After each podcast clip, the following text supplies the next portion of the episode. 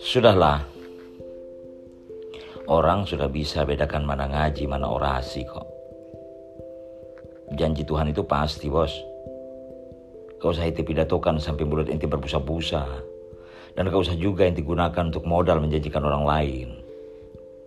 Sudahlah, janji ente yang perlu dibuktikan.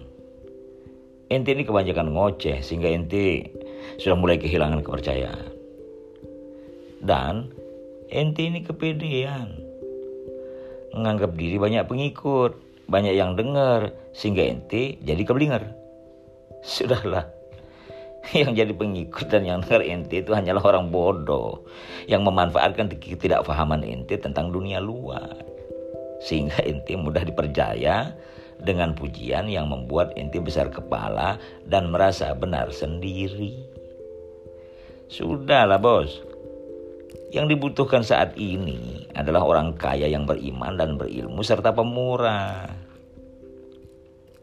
Sementara ada sih banyak orang kaya dan pemurah tapi bodoh bin sombong. Ada juga yang kaya pemurah tetapi rakus bin jahat. Dan ada juga yang berilmu, kaya tapi pelit bin medit. Dan yang kebanyakan di sekitar kita itu orang yang berilmu tapi tidak memiliki harta benda. Jadi sudahlah bos, berhentilah ente menjanjikan janjinya Tuhan itu ya.